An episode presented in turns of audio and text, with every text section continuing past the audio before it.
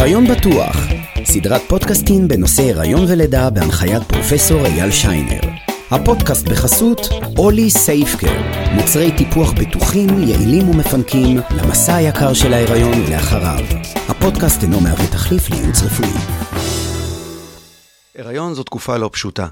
תשעה חודשים של שינויים פיזיולוגיים, הגוף משתנה, עייפות, מאמץ, הרחם גדל, שלא לדבר על שישה שבועות אחרי לידה לפחות, שהכל השינויים עדיין נמשכים. ובעידן שלנו, אה, נשים ממשיכות את החיים כרגיל, או כמעט כרגיל. מה קורה ואיך אפשר לשלב קריירה עם הריון, קריירה עם לידה, קריירה עם חופשת לידה. על זאת ועוד נדבר עם דוקטור קטיה אברבוך. קטיה, איזה כיף שבאת אלינו. איזה כיף שהזמנת. מה שלומך, קטיה? קודם כל, מזל טוב. תודה, תודה, בהחלט. אז קטיה, למי שלא יודע, הפציעה בחיינו בתקופת חתונמי, והיא גם רופאת אף אוזן גרון במרכז הרפואי האוניברסיטאי סורוקה. והאמת שיש לי המון דברים לדבר, המון דברים לשאול, המון דברים... אה, אבל אני, אני חייב קודם כל להוציא את העניין הזה החוצה של חתונמי. איך זה בתור מתמחה לגשת לחתונמי? קודם כל, אני חייבת להגיד שהחזרת אותי לנשכחות עם הפתיח הזה, כבר שכחתי כמעט מה היה בהיריון, עבודה, ואין ספק שזה מחזיר אותי לתקופה מאוד מורכבת. אה, לגבי חתונמי, אה, אני חושבת שקודם הכל היה בחוץ, כן? זה כאילו, מהרגע שליאור ואני הכרנו, זה כאילו, כל הסיפור שלנו היה בחוץ. איך זה פתאום להיות מדמות אנונימית לדמות uh, חיצונית? אני חושבת שזה סוג של leap of faith כזה שעשיתי, כי לא, לא, לא ידעתי ולא ציפיתי שזה יהיה מה, מה שזה היה בסוף. אני חושבת שכששואלים אותי למה עשיתי את זה, אז אני תמיד אומרת שזה משהו שעוד לא ניסיתי, ככה אמרתי לעצמי. קודם כל, אני מניח, אני מניח שעכשיו אף אחד לא שואל אותך למה עשית את זה, אבל אז בטח מיליון אנשים הרימו גבה. האמת שתתפלא, אבל עדיין שואלים אותי למה בתור רופאה הלכתי לדבר כזה, ולמה בתור uh, מי שלכאורה על פניו נראה שלא חסר לה שום דבר, הלכתי לדבר כזה. Uh, זה לא היה פשוט, זה לא היה פשוט, uh, זה גם לא רק אני, אתה יודע, זה היה לחשוף את כל החיים שלי, את המשפחה שלי, את העבודה שלי, לחשוב שזה ישפיע אחרי זה על... לא יודעת, על איך שמטופלים יסתכלו עליי, על איך שקולגות יסתכלו עליי, בסוף אנחנו נמצאים במקצוע ש... שאנשים בו נמצאים בסיפור שלהם, בעבודה, במחקרים, בתורנויות, בניתוחים. זה לא טריוויאלי פתאום שהכל יוצא החוצה. אפילו המנהל מחלקה שלך היה בחתונה. נכון, נכון. ראיתי גם אותו בחתונה. נכון, נכון, הוא היה גם בחתונה הראשונה. וגם בשנייה. אה, וממש הוא נתן לי ממש רוח גבית לדבר הזה בתור מנהל, וזה, אני חושבת שברמה מסוימת, זה, בלי זה, גם לא בטוח שהייתי רצה לשם. כאילו, בכל זאת, אני בן אדם שקריירה זה משהו שחשוב לו, uh, תמיד היה. לקח לי לא מעט זמן להתקבל ללימודים ולעשות את התהליך הזה, ולא לא תכננתי לעשות שום דבר שיפגע בזה. בוא נגיד ככה, כאילו, זה הדבר האחרון שרציתי שיקרה. אז ברגע שהוא נתן את תמיכתו, זה בהחלט הקל אה, לי משמעותית על ה, על, על ה, בעצם על הצעד הזה. אוקיי, okay. אה, uh, אני חייב לספר משהו, שאימא שלך, שהיא רופאה, שאלה אותך אה, שנכנס להרפתקה הזאת של חתונמי, מה הסטטיסטיקה? שזה כן. ממש שאלת אשת מדע. אין ספק, זה באמת היה רגע, זה באמת היה רגע שכאילו נעלמתי כזה, כי באמת לא ידעתי מה, מה לענות לה. כי מה הייתה הסטטיסטיקה לפני קטיה? הסטטיסטיקה לא הייתה, הייתה סטטיסטיקה של אחד לכל הזוגות שהיו, שזה הגר וניר, חברינו היקרים, ולא, ולא, לא היה. עכשיו, אם היא הייתה שואלת אותי מה הסטטיסטיקה לרופאות, אז הייתי יכולה להגיד לה 100 אחוז. זה מה שאתה צריכה לשאול. אז מה, כל רופאות בישראל שלא מצאו את הזוגיות, אה, כן. תזכרו חתונמי. כן, אין ספק. למרות שדני פרידלנדר שעשה את השיבוצים כבר לא קיים, שם אולי היה לו איזה מג'יק טאץ' נכון, לרופאים, כי גם הוא התחיל את הדרך כרופא פעם. נכון, האמת לא חשבתי על זה, נכון, הוא סיפר לי, סיפר לי שהוא אה, כמעט בוגר. כן, התחיל באוניברסיטת בן גוריון. נכון, אז, אה, אז, אז באמת בשביל המשפחה שלי זה גם היה משהו לא כל כך טריוויאלי, אתה יודע, זה לא, אנחנו לא, לא יודעת, מפרסמים את עצמנו או משהו כזה. וכן, השאלה הראשונה הייתה, מה הסטטיסטיקה? כאילו, למה את הולכת לשם בעצם? טוב, אהבתי את זה, 100% לרופאות. לגמרי.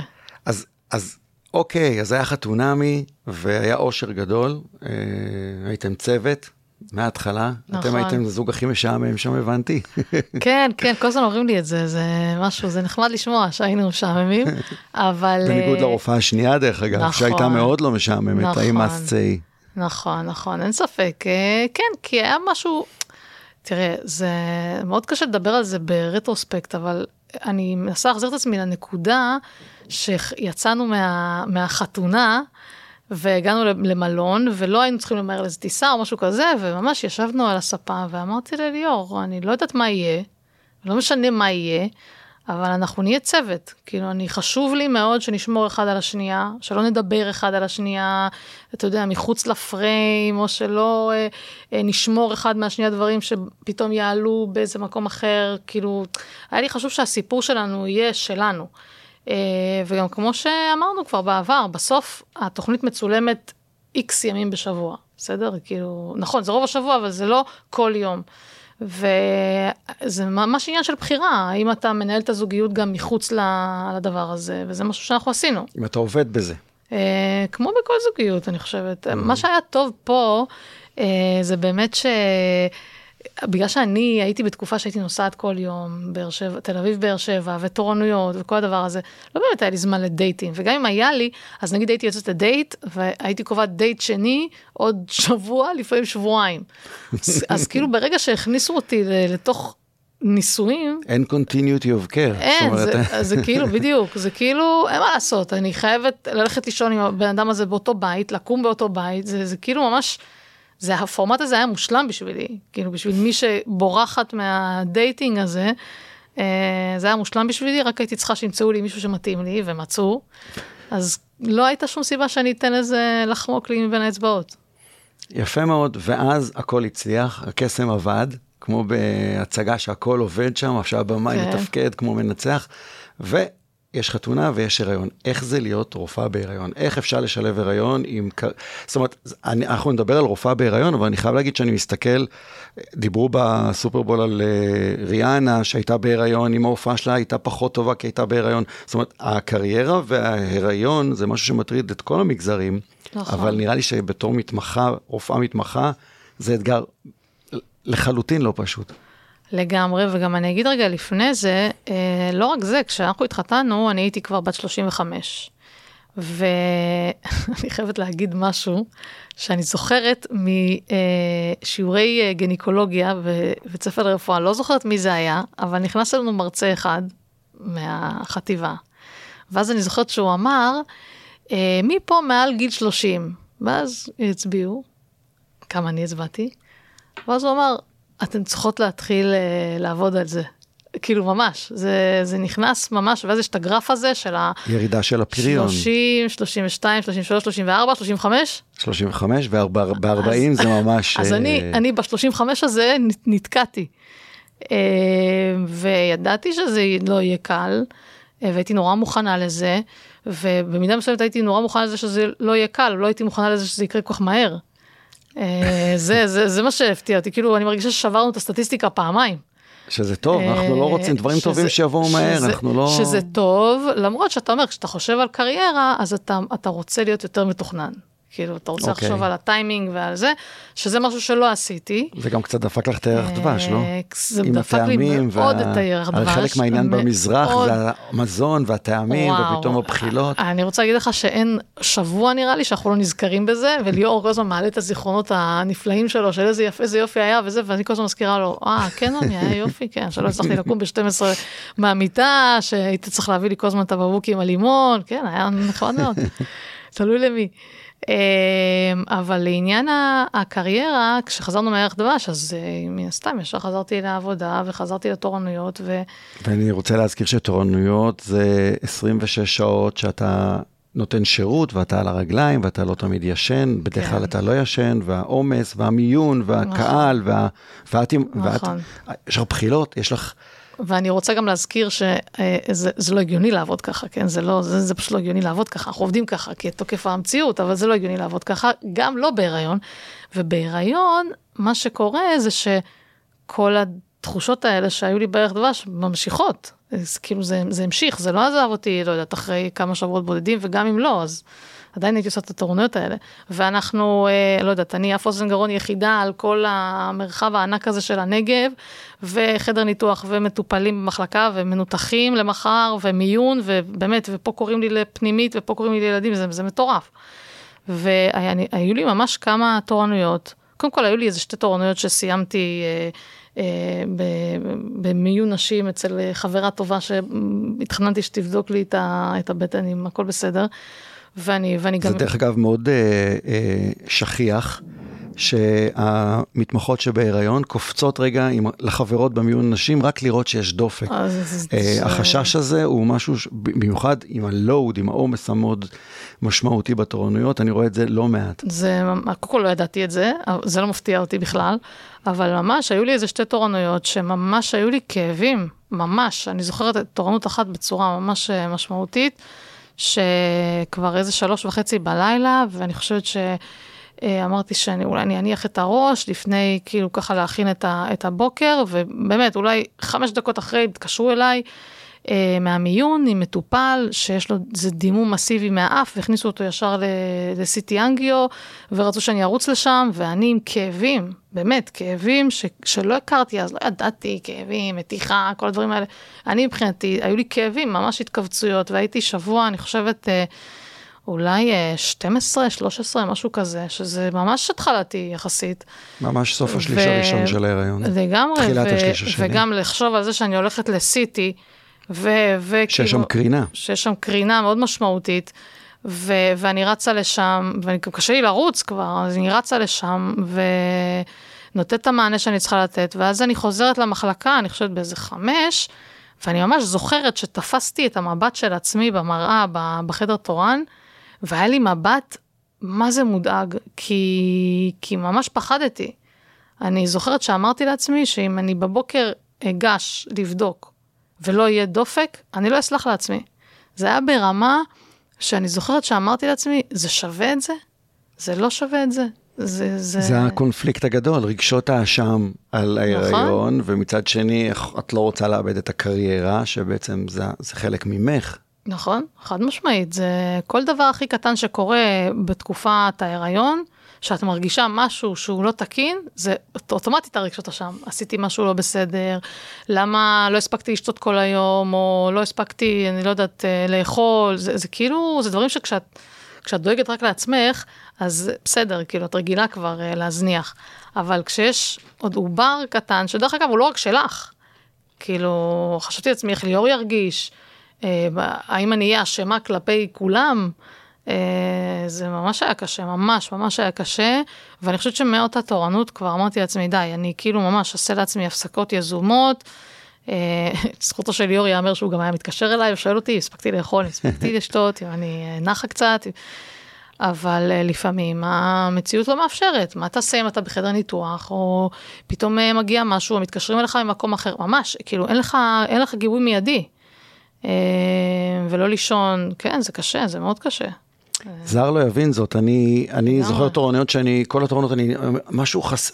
לא הספקתי לעשות פיפי. פתאום אני נכון. נזכר בסוף התורנות כן. שלא הספקתי, ויש לנו מתמחות שפתאום בחדר ניתוח היא פשוט חייבת אה, בחילות, הקאות, אה, כן, אנחנו כן, רואים את זה. כן, ואצלכם אתם, אה, אתם, זה שלכם, אז זה כאילו אתם, המודעות שיא בדבר הזה. מודעות שיא. היתרון אצלנו, שאנחנו אף פעם לא לבד. באף אוזן נכון, גרון אתה רופא נכון. יחיד שחולש על כל השטח. נכון. אצלנו אה, יש חברים, אנחנו. אנחנו צוות מאוד גדול של תורנים, כי זה מחלקה הרבה יותר פעילה, אבל פה את on your own, את לבד. וזה הרבה. יותר קשוח.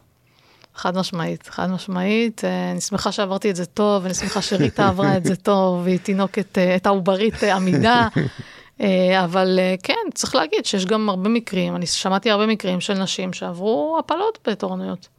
יש כמה וכמה סיפורים כאלה, וזה נורא, לא הייתי רוצה להיות במקום הזה. אני לא יודעת אפילו איך הייתי מצליחה לחזור לעבודה אם היה קורה לי דבר כזה. כאילו אם, אם חס וחלילה מתוך המקום הזה שאני בעבודה כזאת אינטנסיבית, העובר הזה לא שרד.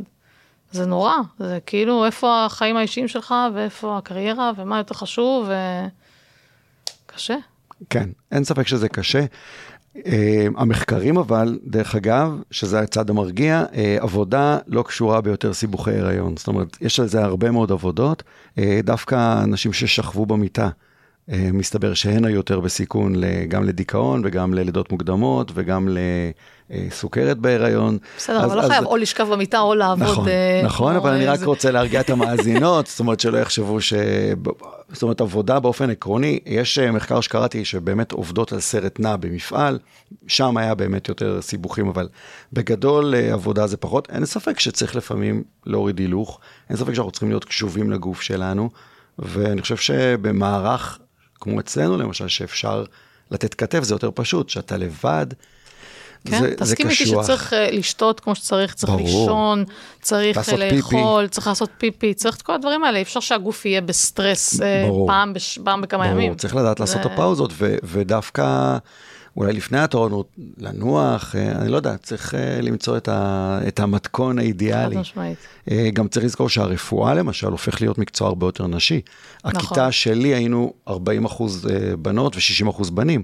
השנים נכון. האלה הם בדיוק הפוך. אני חושבת שכבר אצלנו זה התהפך, אצלנו זה היה 50 ומשהו לטובת האנשים. עכשיו זה הרוב בנות, וגם בהתמחות, למשל בנשים, יש לנו יותר נכון. מתמחות ממתמחים, אז אנחנו נכון. נצטרך לעשות את האדפטציה הזאת. נשים יותר טובות, אין מה לעשות. הציונים של אנשים ברעיונות בבית ספר לרפואה יותר גבוהים, על זה אין עוררים. אמ, אוקיי, אה, אז היינו בהיריון, וזה היה קושי, אבל בשבוע 20 קרה משהו. הפסקנו לעשות תורנויות. איך החיים השתנו אז? האם זה היה יותר קל? תראה, למזלי, אני תכננתי את התוכנית ההתמחות שלי ככה שאני בדיוק באותה תקופה הייתי בתקופת מחקר. אז בכלל, ברמה משמעותית, ירד עליי, ירד ממני עומס, כי גם לא הייתי במחלקה.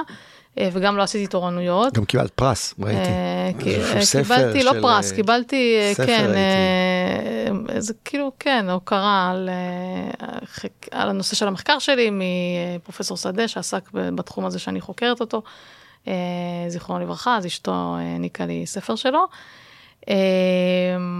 אבל אה, לא, לא, למזלי באמת לא הייתי בתקופה הזאת במחלקה, אז, אז גם ירד ממני העומס של, של התורנויות וגם ירד ממני העומס של כאילו הפעילות ביום-יום, אבל אני חושבת שהמסה המרכזית של הקושי זה התורנויות, כי, כי כשאתה עובד, אתה עובד קשה ואתה עובד במהלך היום, אז עוד יש לך את, ה, את המקום של, אתה חוזר הביתה למשפחה שלך, למקום שלך, אתה אוכל כמו שצריך, שותה, נח, הולך לישון וחוזר בבוקר. התורנויות זה כמו זה כמו, אה, לא יודעת, no man's land כזה. אתה לא יודע מה, מה אתה הולך לפגוש, אתה לא יודע מה הולך ליפול עליך, אתה, אתה כל הזמן בא כמו לאיזה מלחמה.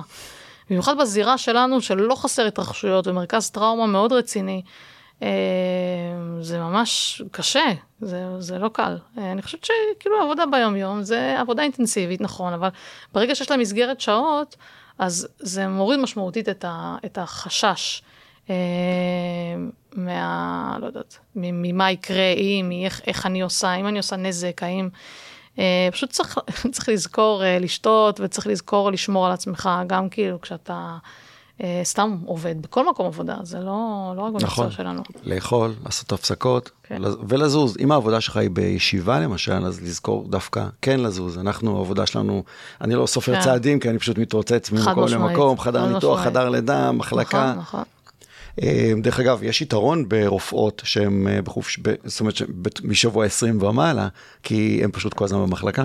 אה, אין לי, זה רופאת בית בעצם, אין יום נכון. שהיא חסרה. נכון. ואז יש, המשכיות נכון, טיפול היא הרבה נכון. יותר קלה לנו, אנחנו, יש לזה גם יתרונות לא, לא, לא, לא, לא מעטים. נכון. גם למטופלות, זה נורא כיף נכון. שהן מכירות את אותן נשים והן עם אותן נשים. נכון, נכון. עם אותן אה, רופאות, זאת אומרת, עם, אותה, עם אותו צוות. עוד לא, עוד לא יצא לי, אבל אה, בוא נראה מתי אני אחשוב על ההיריון הבא. אה, וזה מן הסתם יגיע, כי הזמן עובר מהר שנהנים. חד משמעית. ואיך היה בתור רופאה לעבור הריון? זה יותר קל? זה יותר קשה? אה, קודם כל, אה, בוא נתחיל בזה שזה שיש לי אה, חברות טובות שהן רופאות נשים, זה יותר קל. מגיע מהתחום, אז אתה... ותמיד יש לך מהכיתה כמה שהן יהיו גינקולוגיות. גם איתי מתייעצים דרך אגב, כן? כאילו, זה give and take כזה. גם אני נותנת ייעוצים על כל מיני בעיות של ילדים, של אף אוזן גרון, לא חסר, כל מי שיש לה ילדים יודעת. אז מהבחינה הזאת זה באמת נחמד שיש לך עם מי להתייעץ.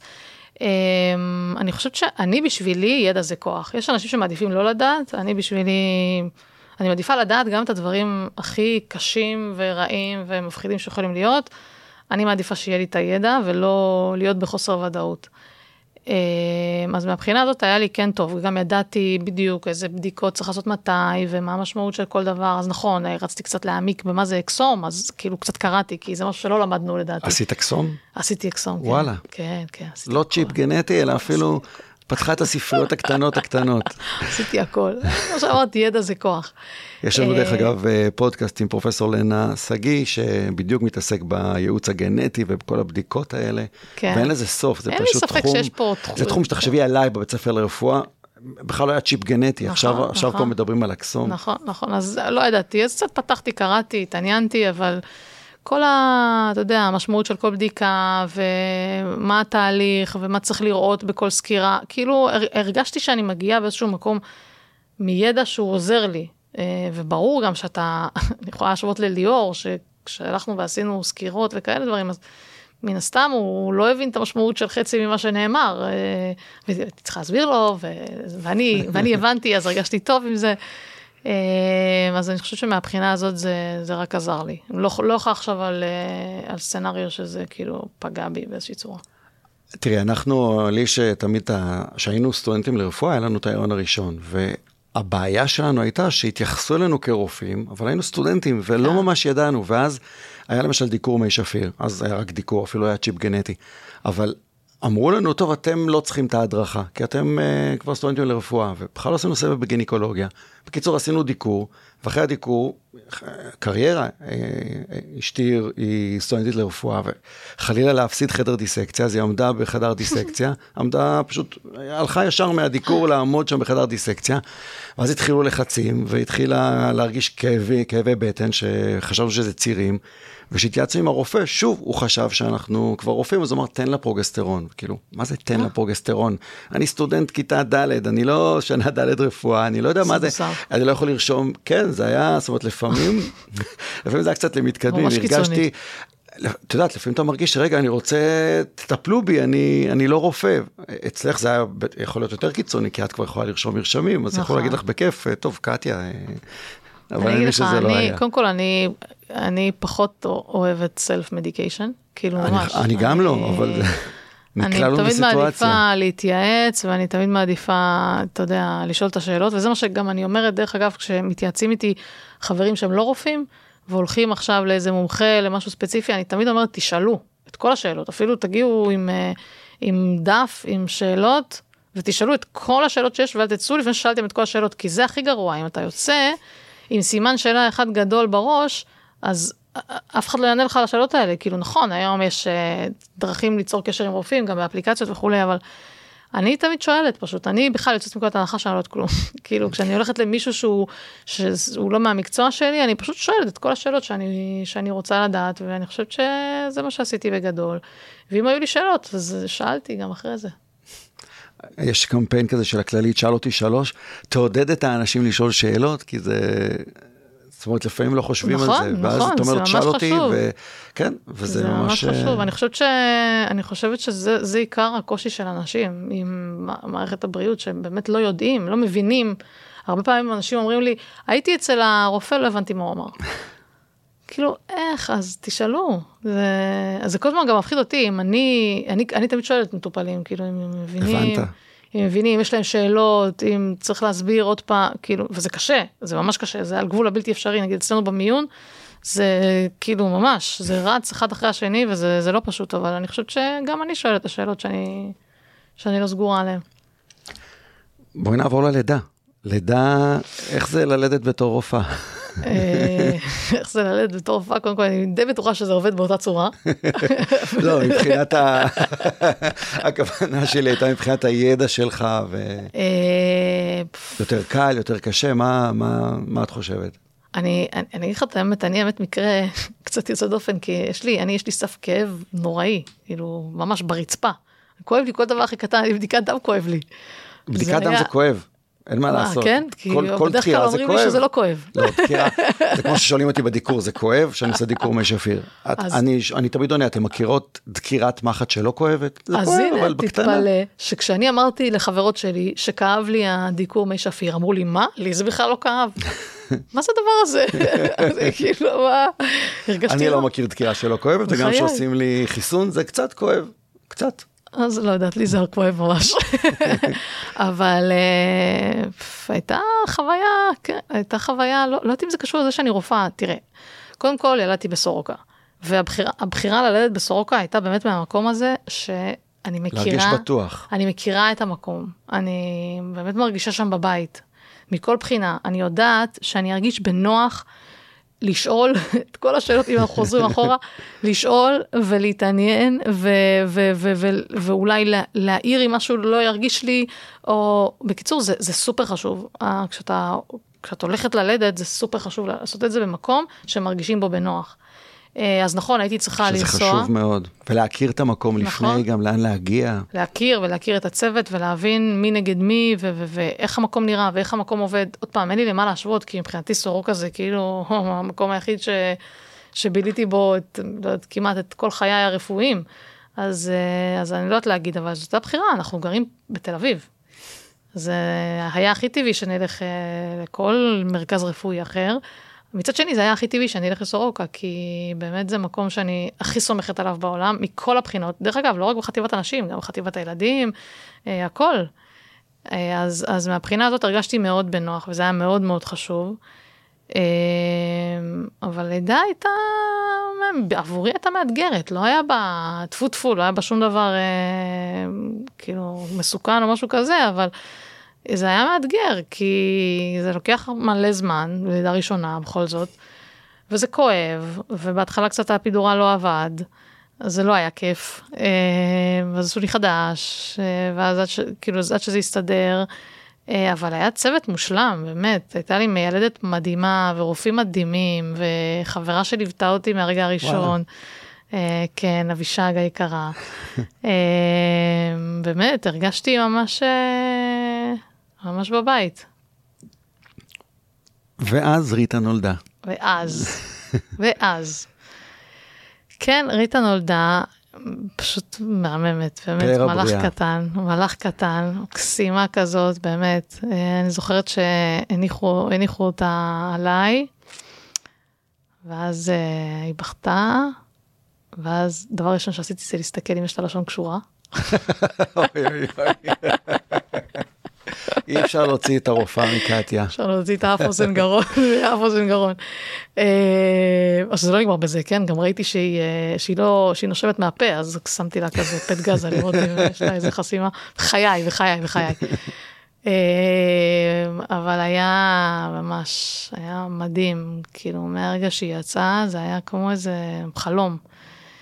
אה, אבל לא היה קל, לא היה קל, גם אחרי זה לא היה קל בכלל. הייתי, אה, היה לי מאוד קשה להעניק, מאוד מאוד מאוד, זה כאילו היה בשבילי ממש החלום ושברו.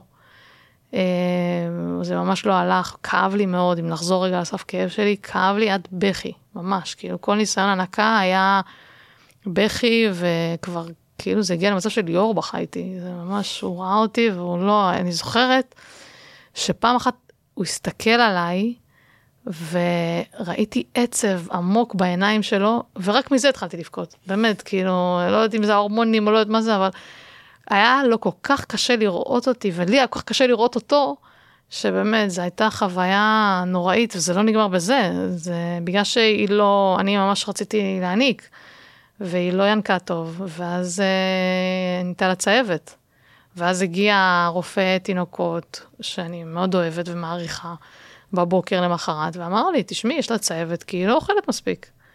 ואני חושבת שאולי זה היה, טוב, יש לי, היו לי הרבה רגשות אשמה כבר בהיריון, אבל זה היה הרג, הרגש אשמה הראשון שלי ממש.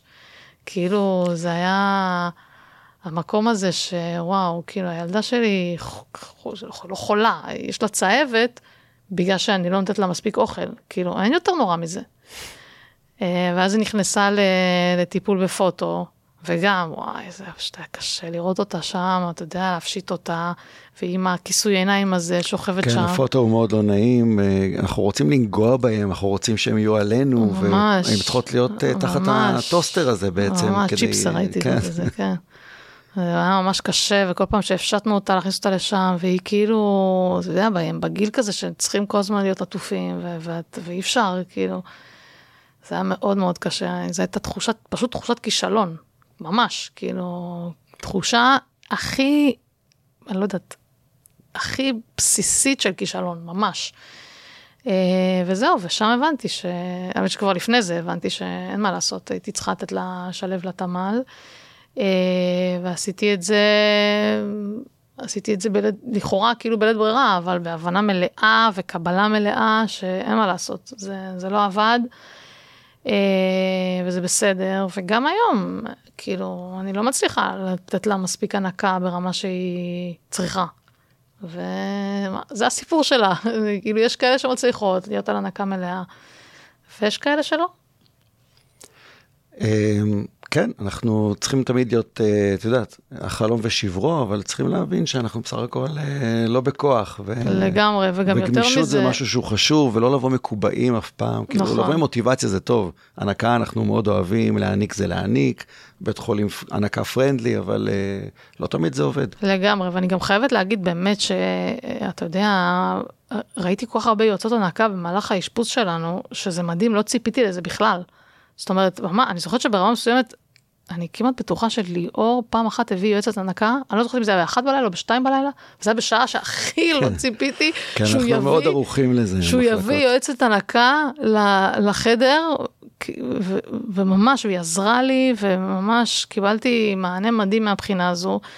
אבל אני חושבת שחשוב גם מאוד להגיד שעדיף אימא בריאה בנפשה, נכון, מאשר אימא מניקה. נכון. ואני חושבת שאני, כשאני אומרת עדיף, אני אפילו לא אומרת את זה עבורי, אני מתכוונת עבור הילוד. אני בטוחה במיליון אחוז שעדיף לריטה שאני אהיה שמחה ומאושרת, מאשר שאני אהיה מניקה שלה. אז, זה לא ספק. אז מהבחינה הזאת אני ממש אה, בלב שלם ו... והכל בסדר. זה לא, זה לא משהו שמטריד אותי היום. מה דעתך על חופשת לידה? זאת אומרת, אה, היום אני נתקל ביותר ויותר אה, שמעריכות את חופשת הלידה, וגם כאן יש איזושהי, איזשהו קונפליקט בין הקריירה, לעצור רגע את ההתמחות, או לא לעצור. מה, מה, מה... קודם כל זה קונפליקט רציני, כי ככל שהזמן עובר, אה, יש ירידה בכשירות. רואים את זה בכל מקום, כן? זה לא צריך ללכת לצבא. חשבתי שאנחנו ו- כמו יין, משתבחים, לא... כן, לא. לא, אתה, אתה יודע לבד, זה כשאתה לא נמצא בחדר ניתוח איקס זמן, אז אתה נכון. פחות אה, משופשף, כשאתה לא רואה מטופלים, אה, וההפך הוא נכון, ככל שאתה רואה יותר, אז אתה פותר אה, בעיות יותר מהר, אתה מתפעל את עצמך יותר מהר, וכשעובר הזמן שאתה לא במגע עם הדבר הזה, אז, אז אתה מרגיש הרבה פחות בטוח. אה, עכשיו, אני לא מתכוונת מבחינת אה, בטוח האם אני מסוגלת או לא. ברור לי שכשאני אחזור, אני אחזור ב-200 אחוז ואני אני אחזור מהר. כאילו, אין לי, ספק, אין לי ספק בזה בכלל. אבל אין מה לעשות, כשאתה מתרחק מכל מקום, אז לחזור זה תהליך. ו, ו, וכן, וזה זה גם באיזשהו מקום, אתה יודע, אני מתגעגעת לעבודה. אני בן אדם שהוא... אני מבין את זה. אני בן אדם שהוא אוהב את המקצוע, ואוהב את מה שהוא עושה, ופתאום אני, כל, כל המהות של הקיום שלי זה ריטה, שזה מדהים, היא מדהימה. אה, שזה גם קונפליקט, זאת אומרת, נכון, כאילו, נכון. בן אדם שכאילו, כל הקריירה, ולמדנו כל כך הרבה שנים, והתמחות, ופתאום אנחנו בבית, אנחנו... נכון, וגם המחשבה, המחשבה שלי, שאני אשאיר אותה עכשיו לבד, ואני אלך ל-26 שעות, היא פשוט תלושה. אני כאילו, אני חושבת לעצמי, בסדר, היא עוד לא בת שלושה, אני עוד לא, עוד לא סיימתי את החופשת לידה הרשמית, אבל אני חושבת, נו, יעברו, אז היא תהיה בת שלושה וחצי, שלושה חודשים וחצי. חצי שנה זה גם יהיה קשה. בסדר. נכון, גם חצי שנה זה יהיה זה קשה. תמיד קשה. אבל היא כזאת קטנה, כאילו, זה, זה כאילו לעזוב אותה, זה, זה זה נראה לי... גור אדם. זה נראה לי לא אנושי, זה כאילו לעזוב, לעזוב אותה לכל כך הרבה זמן, זה לא, שהיא לא תראה אותי לא בבוקר ולא בלילה ולא בצהריים ולא, זה, זה נראה לי, זה נכון, אנחנו היינו שני סטודנטים לרפואה, והיינו צריכים לחזור לפעילות השגרתית, ואני זוכר שמצאנו מטפלת ממש על הפקולטה. מצאנו, בחרנו אותה היא שתגור, עוד חיה. מצאנו אותה שתגור, האמת שהיה לנו, שני, היה לנו מזל, שתי מטפלות מהממות, אחת מהן בדיוק עכשיו, אה, לצערנו, נפטרה. אה, היא עוד חיה, אבל היא, היא כבר לא גרה שם, אבל פשוט רצינו גיאוגרפית שהיא תהיה, ש, שנוכל לקפוץ בהפסקות. ברור. ולחבק, לראות, אה, להעניק אם צריך, את יודעת, להיות שם. ברור, זה, לא זה יודעת איך קשה. זה מתאפשר, אני בכלל לא יכולה לתאר לעצמי מה עובדי היינו סטודנטים, ואמרו אה, לי כל הזמן, כן, אמרו לי נכון, כל הזמן נכון. שעכשיו זה הכי קל, אז זה נראה לי היה, אמא שלי אמרה, איך תסתדרו? ובאמת הם צדקו, זה הכי קל בתור סטודנט, כי אין לך שום מחויבות, אתה... נכון. בתור סטודנט סטודנט, חופשי, אתה, כמו שאומרים. נכון, בתור סטודנט זה אחרת, בתור רופא זה הרבה יותר קשוח, אתה, אין לך את ההפסקה המובנית, תחשבי, בפקולטה לרפואה, שעה הפסקת צהריים נכון. מובנית, אנחנו... אני הייתי עושה גם הפסקות יותר ארוכות, לא נעים להגיד. בסדר, אבל המובנה הייתה הפסקה של שעה, אז יש לך ת"ש, יש לך, אתה יודע, נכון, תנאי שירות נכון, טובים לילודים. נכון, נכון, אין ספק, זו תקופה, מהבחינה הזאת זו תקופה יותר קלה. מצד שני, מה שמנחם אותי, אולי מכל הדבר הזה של ה... לא יודעת אם זה הורות מאוחרת או איזה משהו כזה, זה שהילדים שלי לא, לא יכירו הרבה מה זה אימא בתורנות. אני חושבת שזה גם אה, באיזשהו מקום אה, שורט, אם אה, לקרוא לזה ככה. יש לי חברים שיש להם ילדים קטנים שממש אה, יש להם טראומות. מזה שאימא עוזבת את הבית ולא חוזרת יום למחרת, וכאילו אני בגילאים שונים, כן? זה גילאים, גילאי ינקות או גילאים אה, של גן, אה, אז מהבחינה הזאת, אה, בוא נגיד אם אני, בעזרת השם, אסיים את ההתמחות אה, עוד ברור, שלוש שנים, כמו שאני? מתוכננת, שלוש וקצת, אז אני חושבת שהילדים שלי לא יזכרו מזה הרבה, אני מקווה. אה, עדיין היא תהיה לאימא קרייריסטית, שזה... נכון, נכון, אבל... זה לא שאנחנו אה, בדיוק אחרי זה... אבל זה יש יותר בחירה, יש יותר, יש יותר דרגות חופש, נכון, נקרא לזה ככה. נכון, אפשר לבחור למתן. את ה- נכון, מאשר בהתמחות. ומה מה יהיה עם ריטה הרי? את בעצם דור חמישי, דור רביעי של רופאות. נכון. זאת אומרת, האימא והסבתא וה... סבתא רבתא גם הייתה, כן. איזה רופאות הם היו דרך אגב? אז אימא שלי רופאת משפחה, עודנה. אה, סבתא שלי הייתה, אה, היו לה שתי התמחויות, הייתה נוירולוגית ופסיכיאטרית. וואלה. אה, כן, היא הייתה אישה באמת מבריקה. עד היום, טוב, ראיתם אותה בתוכנית, אה, עד היום היא אישה באמת חריפה מאוד. וסבתא רבתא שלי, האמת שזה סיפור מעניין, היא הייתה רופאה בארץ. הם עלו, כאילו, הדור ההוא עלה, והדור ה... למטה יותר נשארו שם, והיא הייתה רופאת עור. וואו. כן, עבדה פה בארץ. אז מה יהיה עם ריטה? היא נולדה לזה. זאת אומרת, אין לנו, אין, לה- אין, לה- אין לה צ'אנס אחר. אני לא מאמינה בזה. ריטה תעשה מה שהיא רוצה לעשות, ותהיה ילדה מאושרת, כי זה מה שחשוב. אה, והאמת שגם אני חייבת להגיד שאימא שלי לא דחפה אותי לזה בכלל. אני גם תמיד אומרת שכשאתה גדל בתוך בית אה, של רפואה כזה אינטנסיבי, ואני הייתי מאוד קרובה לאימא שלי, אז זה או שאתה מאוד מאוד אוהב את זה, וזה בוער בך, או שאתה ממש כאילו לא מבין את זה, וממש הולך נגד זה. כאילו, אתה אומר, אני לא אהיה רופא. ואני ממש הייתי לצד השני. אה, אני גם התחלתי ללמוד הנדסה, דרך אגב, התחלתי ללמוד הנדסה ביו-רפואית, למדתי שנתיים בפקולטה בבן גוריון, אה, כי לא הצלחתי להתקבל בהתחלה, ו- וזה היה לי ברור שאני לא במקום שלי, ממש. וכשהגעת לרפואה, הכל הסתדר. כן, לגמרי, לגמרי. במיוחד במיוחד בלימודים בשנים הקליניות, זה ממש התיישב לי. בשנים שכבר נכנסנו לשדה הקליני, ודיברתי עם מטופלים, וככה נגעתי ממש בחומר המעניין, זה ממש, אה, ידעתי שזה שלי. וזה לגמרי שלך. דוקטור קטיה אברבוך, איזה כיף שהיית איתנו. איזה כיף שהזמנתם. תודה רבה. אני רוצה להודות לחברת אולי סייפקר על החסות, אני רוצה להודות לבית אריאלה על האירוח. אם נהניתם, דרגו אותנו ושתפו עם חברים. אם יש לכם שאלות, זה הזמן לשאול אותנו בדף הפייסבוק או האינסטגרם של חברת אולי סייפקר. ויש לנו הפתעה בשביל קטיה, יש לנו מתנה בשבילך. די! אה, את יכולה לתת את המתנה, יש לנו פוסטר. לא, זה לא פה, זה שם, זה בתוך ה... יש לנו פוסטר של חברת אולי, מתנה האמת לריטה. די! כן, אה, זה פוסטר של השלבים הראשונים בחיים שלך. זה בא עם חותמת. בחיים שלי או בחיים שלך? בחיים של ריטה. וזה בדיוק בשבילה, זה כל דבר, אה, הנה זה כבר אה, יוצא מהרשרוש. רגע, אז באיזה שלב היא? היא כרגע, היא עכשיו בשלב של ההתהפכויות. זה נכנס נכנס שם? בטח, התהפכות. יא! לילה ראשון בחדר שלי. כי יש תינוקות. שישנים עם ההורים. נכון, נכון. יא, איזה חמוד. מה, צריך לסמן כאילו? יש? חותמת, זה בא עם חותמת, ואת אה. מחתימה כל פעם את ה... מגניב, תודה רבה. אז קטיה, תודה רבה שהיית איתנו, איזה כיף. תודה שהזמנת אותי, היה כיף ממש. להתראות. ביי ביי.